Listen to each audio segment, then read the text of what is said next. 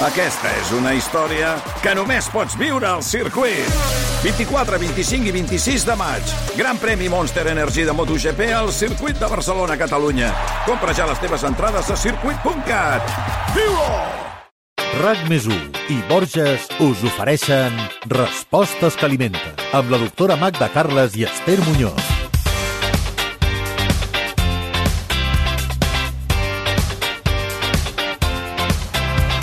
Recordeu aquell mos a mitja tarda omnipresent quan érem infants? És bastant possible que alguns encara el feu. Creieu que realment és necessari quan ens convertim en adults? A partir d'aquesta qüestió, al podcast Respostes que alimenten d'avui volem analitzar els pros i els contres del berenar, el seu paper quan tenim sobrepès o quan volem cuidar-nos, com ha de ser, per exemple, un berenar saludable, la influència que pot tenir en el sopar o en el descans nocturn. En definitiva, en el nostre 50è podcast farem una radiografia exhaustiva d'aquest menjar de mitja tarda que ajudarà a poder treure'n el millor partit i que potser doncs, hi ha coses de nens que no hauríem d'oblidar.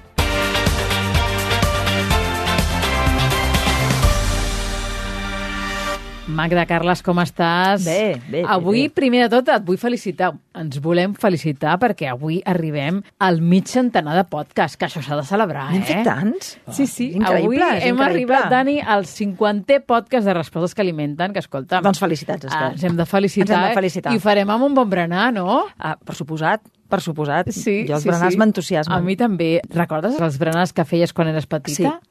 Jo recordo a l'escola Canalo, quan, era, quan feia la famosa EGB.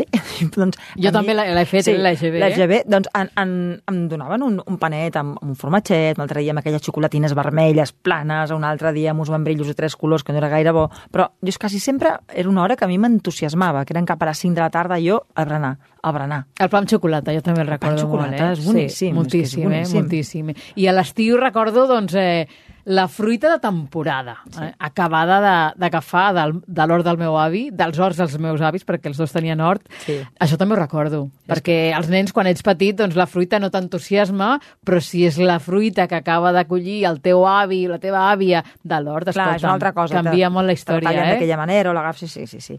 A mi el berenar em dona molts bons records, molt bon rotllo em dona el berenar. Ha canviat el berenar, Magda? Ha canviat, però segueix sent un àpat que, que es fa especialment entre els més petits. Però és curiós, no? Si mirem qui fa el berenar, veurem eh, tota la gent que està, diguéssim, a edat escolar, no? Els nens, és que són molt petits, jo diria que pràcticament fins que arriben a l'adolescència, a l'adolescència ja parlarem si fan berenars, ja que sí, ja que no, i també la gent gran. No veus tot de persones grans que es reuneixen amb el seu cafè amb llet i el seu tros de pastís, el sí, seu brioix, el seu sí. entrepà, és molt divertit, I els això. envejo molt, ja t'ho dic, eh? Clar, allà tranquil·les, elles, menjant el seu tros de tarta de poma. És, és meravellós, És això. fantàstic, És aquest genial. moment de tertúlia, eh, Clar, acompanyat clar. allò amb un cafè amb llet Sí. i el que, i el que Cafè amb llet amb sacarina, cuidado. amb sacarina. Però després potser hi ha coses dolces allà, eh, a la Un taula. bon tros eh? de tarta de xocolata com sí, Déu sí, mana. Sí, sí, sí, sí. I qui- quina funció té exactament a, al berenar?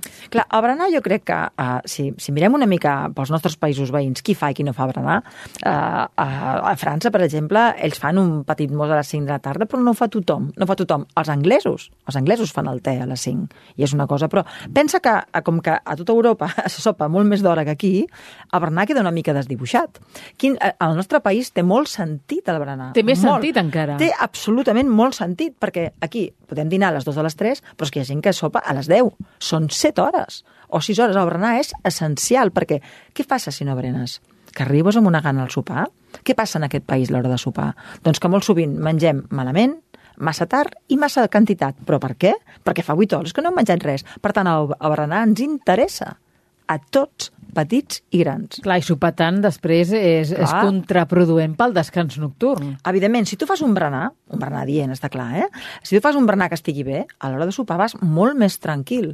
Pots fer un sopar més tal com té que ser i no com el que fem. I què vol dir, Magda, exactament això d'un berenar tal com ha de ser? Com el definiries? Què hauria d'incloure-hi?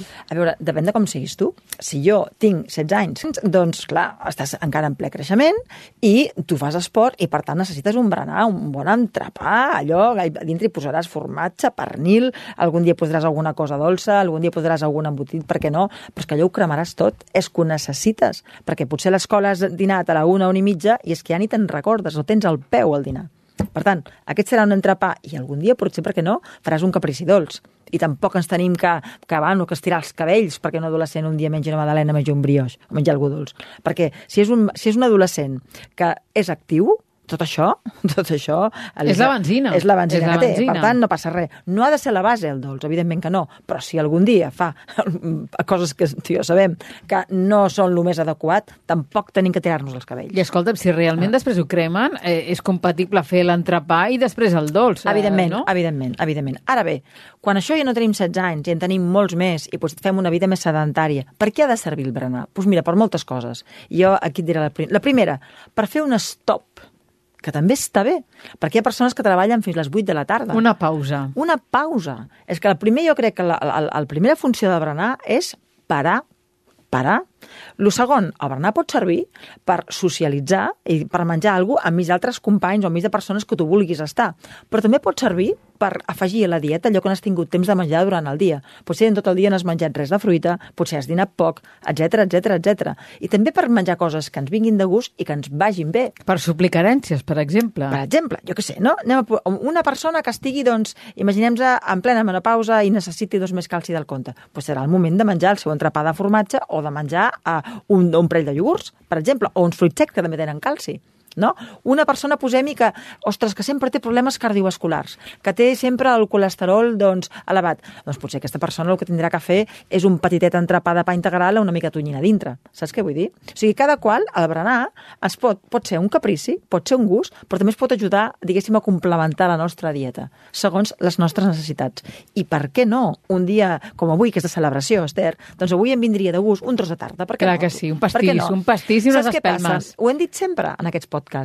El, el menjar és important perquè ens nutreix, perquè ens fa socialitzar i també perquè ens dona molt plaer. Per tant, no ens tenim que castigar. El que tenim que, aquest tros de pastís que ens menjarem tu i jo, Esther, el que tenim que procurar és que, primer, que no faci mig quilo, i el segon és que sigui de qualitat. Clar, no? Compartirem amb el, amb el nostre realitzador tècnic, Evidentment que eh, sí, amb el evidentment Dani, que sí. eh, aquest pastís. Clar que sí. I, escolta'm, eh, ens ha quedat clar que mm, això mm, va una mica també en funció de, de l'etapa de vida en la que Clar. estem vivint Evidentment, i també evidentment. de la nostra condició física i de salut, no? Perquè sí que és veritat que si tenim un nen o un adolescent que té sobrepès, doncs tot això s'haurà de mesurar molt, és una no? mica diferent. Imaginem que ara volem fer el berenar, tenim un nen amb edat escolar i és un nen que és rodonet i això ens preocupa una mica i és un nano que se'n va a les galetes i els dònuts de la que no te'n dones compte. Clar, nosaltres tenim que procurar doncs, que, això, doncs, que això sigui adequat per ell, no? Com ho farem?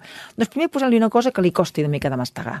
És a dir, els nens que són uh, molt, molt, que els agrada molt menjar, uh, que, que, que, són, que són molt, molt directes al plat, al, al dolç, doncs posem-li una cosa una mica consistent. Com ho farem? Doncs, per exemple, amb un pa torrat, que tinguin que, saps? Que tinguin que mastegar una cosa una mica dura, o amb un pa de cereals, o un pa d'aquells integrants un, un, una mica densos. El fet de mastegar és una cosa que, saps, el nen? És, és, és important, importantíssim.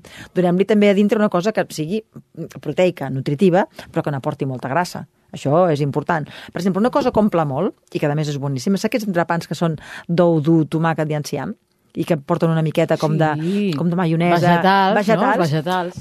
L'ou dur és de les coses que són molt nutritives, a l'ou però que té l'avantatge que té molts nutrients, però en canvi, com que és com molt sec, costa de passar. Per tant, si el pobre nen tu li dones l'entrapada enciam, per exemple, mica de tomaquet i a l'ou dur, el nano, amb, maione amb una mica de maionesa, eh? Sí, amb una miqueta, sí. el nano serà bo perquè passa bé, però és una cosa que és densa, saps? És una cosa que serà saciant, serà saciant. El que no li pots donar a aquest nen, per exemple, és un pa d'aquests tan tous que fa pim-pam i se'l menja. És dir, aquests pa de mollos que són tot molla, no ens interessa No ens gens. enfada. Aquest nen ha de ser un pa consistent, un pa que ell tingui pa que bo. Clar, amb aquest nen també li pots donar els fruits secs, per exemple. Una mica, una certa quantitat, cruixents, perquè els té que mastegar, clar, clar, i té que salivar, i té que... És una cosa que no es pot passar, saps? Aquest nen com a caprici, i ara et diré una cosa que et semblarà molt estranya. A veure. Per exemple, li pots donar un grapadet de pipes. Eh, que és curiós, perquè són llavors de girassol Mhm. amb la closca i no salades, eh? només torrades, perquè es mengen d'una en una i tenen la feina que has d'anar i són A poc a dures. poc. I són dures, i, i has de mastegar. És a dir, hi ha coses pels nanos que tenen una mica de problemes de pes que poden ser molt bones, poden ser capritxos, i que els hi vagin bé. Mira, acabes de donar diferents opcions, eh? no una no, sí, unes quantes, sí, sí, eh? sí, sí, sí, sí. I clar, i si aquest nano un dia volem que faci el seu dolç, perquè també és un nen, doncs jo farem, tornarem a aquella famosa, aquell brioix de, de que fem a casa de, de iogurt i li donarem un tros controlat, un tros que sigui però un dia a la setmana, per què no? Perquè si aquest nano, per exemple, li agrada molt el dolç i jo els hi prohibeixo sempre, el dia que tingui una certa autonomia s'anirà a la nevera o s'anirà a l'armari i agafarà I cinc magdalenes de cop. Clar. Aprofitarà, sí, sí, sí. No els hi tenim que privar, eh, els nens, però encara que tinguin sobrepès, se'ls ha de dosificar el que és més potent, però no se'ls ha de fer prohibicions absolutes, perquè si no, pobres nanos ho passen molt malament. Sí, sí. Hem parlat dels nens, hem parlat dels adolescents, eh, ens queden els adults i, i la gent gran, no? Exacte. Permetem que, que, que me'n vagi cap a, cap a la gent gran, sobretot tenint en compte que fa uns quants podcasts vàrem parlar de quina era la dieta que seguia la reina Elisabet eh, segona, que ens va deixar eh, als 96 anys. Eh, parlàvem que ella sí. sempre berenava, eh, que feia el seu té típic no? mm. eh, al seu país. Tu què en penses no? d'aquestes begudes com el té, com el cafè, excitants? Són recomanables per l'hora de berenar? Mira, si, si, de tornem, berenar? si tornem en aquest grup de senyores venerables que veiem a vegades que la reina podria ser-hi, bueno, seria, La imatge que seria, comentàvem seria abans, de les sí. grans, eh, de fet, uh, doncs que menjant de la seva tarta, i moltes estan, uh, ho acompanyen amb un cafè amb llet, si t'hi fixes. O sigui que, però clar, estic És segura... bo o és dolent, això? estarà en funció de com li sentim ell, això. Si aquesta persona, aquest cafè amb llet, li dona un speed per acabar de passar el dia, li agrada perquè l'anima, no oblidem que el cafè és un, és un activador i que també, amb segons quin tipus de personalitat i de, i de patologies i de com estiguis tu, també et va bé una mica de, de, de gasolina, no? Ara bé, si aquest cafè no t'ha de deixar dormir, doncs no, entens? És que no, no podem dir si és bo dolent. Un descafeinat o, o, o, un, o una infusió o un altre tipus d'història, però vull dir, hi ha gent que el cafè realment li dona un puntet que li agrada i en canvi dorm igualment, doncs per què privar-li? La llet, eh, a aquesta hora de la tarda, bueno, si, si, si, se col·loca bé no hi ha cap problema. De totes maneres, tenim llets, tenim llets vegetals molt diferents, no? És que, mira, el tema de la nutrició, la dificultat de la nutrició, és que no es poden donar dogmes perquè les persones són molt diferents. I entre aquest famós grup de iaies venerables hi haurà persones que la llet li sentirà com una patada, n'hi haurà que es la prendrà i es quedarà exactament igual, i n'hi haurà que preferirà la llet de soja. Escolta'm, jo, jo tenia una àvia que va viure fins als 95 anys, que ella es prenia cada matí, fins que es va morir, eh, perquè es va morir d'una pneumònia que va entrar a l'hospital pel seu propi peu, o sigui, estava perfecta. Uh, es prenia cada dia una tassa de llet, que jo no puc. I es Al menjava, matí? Al matí. I es menjava pa amb xocolata. Pa amb xocolata. L'obesnatat no sabia que existís. O sigui, no ho tenia dintre la seva llista de la compra. I la llet se li va col·locar sempre bé. I clar, diríem, ui, llet tal, doncs, doncs, doncs amb ella se li col·locava bé. En canvi, jo, per exemple, personalment, la llet, des de que sóc petita, doncs no m'agrada. Jo que dic una cosa, dic l'altra. Vull dir, si no és en cafè, a mi la llet no em passa, la llet sol la trobo, uf. sí, a mi em passa tant, igual. Eh? per tant, doncs cada persona ha de trobar la seva manera. Però què és lo important? Que aquest berenar ens serveix per complementar la nostra dieta, però sobretot per una cosa molt important, per arribar al sopar amb menys gana. Pensa que una de les causes que estic segura eh, eh, que al nostre país hi hagi un 65% de sobrepès és que sopem tard, malament i massa. Jo crec que si busquem un dels, dels punts claus dels perquès del sobrepès al nostre país és el sopar. És un dels errors més comuns. Per tant, si el berenar ha de servir no només per complementar la dieta, sinó perquè sopem millor, jo crec que és una peça clau. El berenar tindríem que recuperar-lo tot. Has parlat d'aquest berenar dolç, que ens has dit que es poden fer excepcions, no a diari, però sí, Sí. en moments puntuals, sobretot per no prohibir als nens el dolç. Els cereals, que també n'hem parlat aquí, eh, al podcast, però n'hem parlat de l'opció cereals per esmorzar. Què et semblen a l'hora de berenar? Una opció si no n'hem pres per, per, per esmorzar. És a dir, que jo en aquell moment al nen li fa gràcia els cereals, o a mi mateixa, o a mi mateixa, perquè a més ja sabem que hi ha molts tipus de cereals, hi ha molts tipus amb moltes energies i moltes composicions. Hi ha cereals amb molt sucre, hi ha cereals amb poc sucre, n'hi ha que tenen fruits secs, n'hi ha que no en tenen, per tant, un cereal de qualitat, que per mi sempre passa perquè tingui poc sucre, poc sucre, pot estar perfectament apte per l'hora de berenar. Clar, el que jo no faré, de- en funció del meu pes i de la meva edat, posaré més quantitat o menys. Aquí surt sempre el tema de la dosi, eh, Esther. Torna a sortir. Sí. Aquelles iaies que estaven menjant tarta, la que està quadrada no pot menjar la mateixa dosis que la que està prima. Òbviament, no? Doncs igual amb els cereals. Nosaltres hem que ser conscients de com som, quin pes tenim, què farem d'aquí que berenem fins a l'hora de sopar, Tenim, ens anem al gimnàs o ens quedarem ja a casa allò sense fer res al davant de l'ordinador? sofà. Clar, si jo em quedaré davant del sofà, doncs el bol de cereals serà petit. Però si jo me'n vaig al gimnàs i faig un zumba i faig no sé què, doncs el bol de cereals... És que, mira, és molt important... És sentit comú, Magda. Clar, sí, però també pensar que la dieta s'ha d'adequar al que anem fent.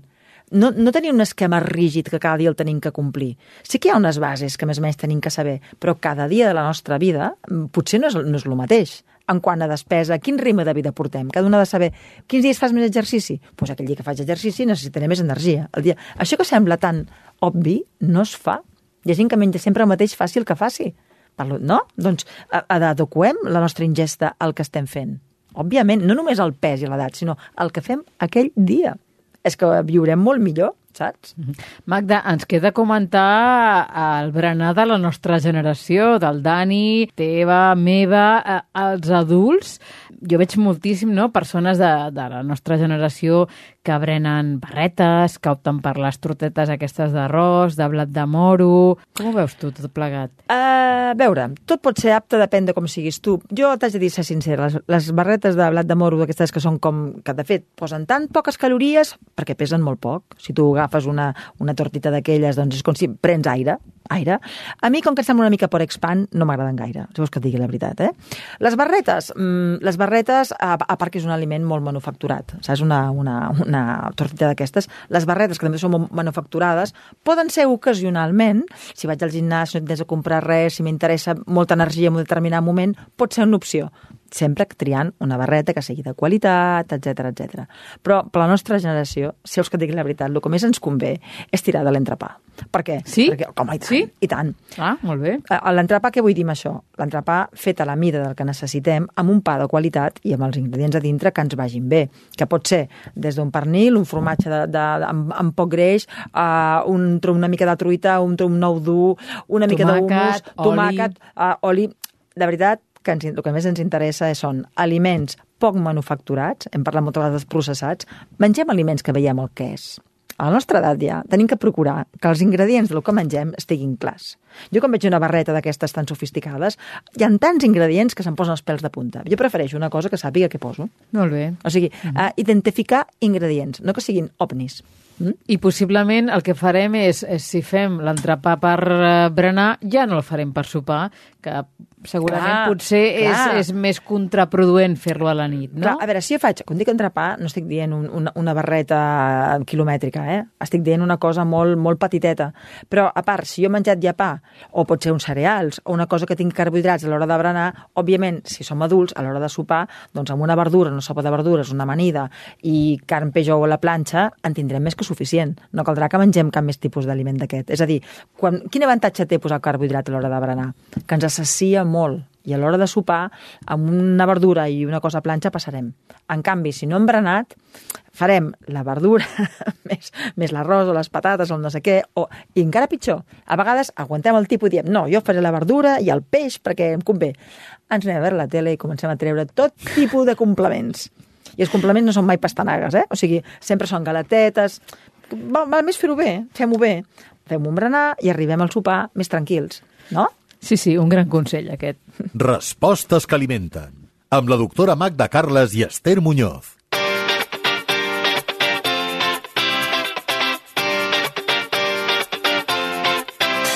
Hem de fer el nostre repàs amb els nostres cinc ítems sobre el berenar avui, però abans, Magda, un berenar saludable que tu vulguis compartir amb tots els oients del podcast Respostes que alimenten?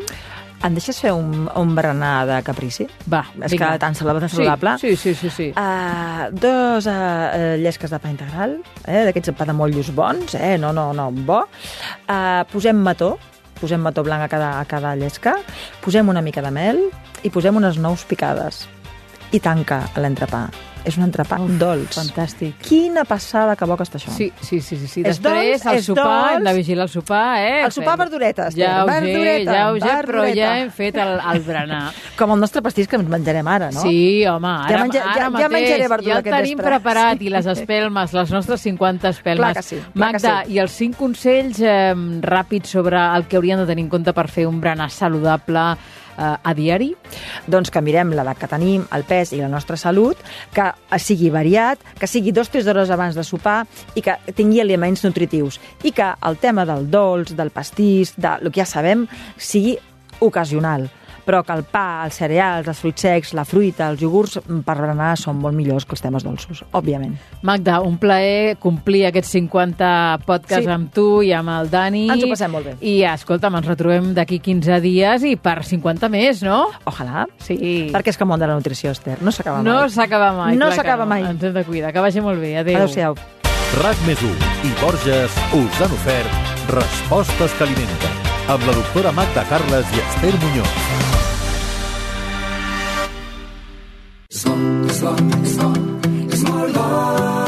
Cuidar-se és el més important.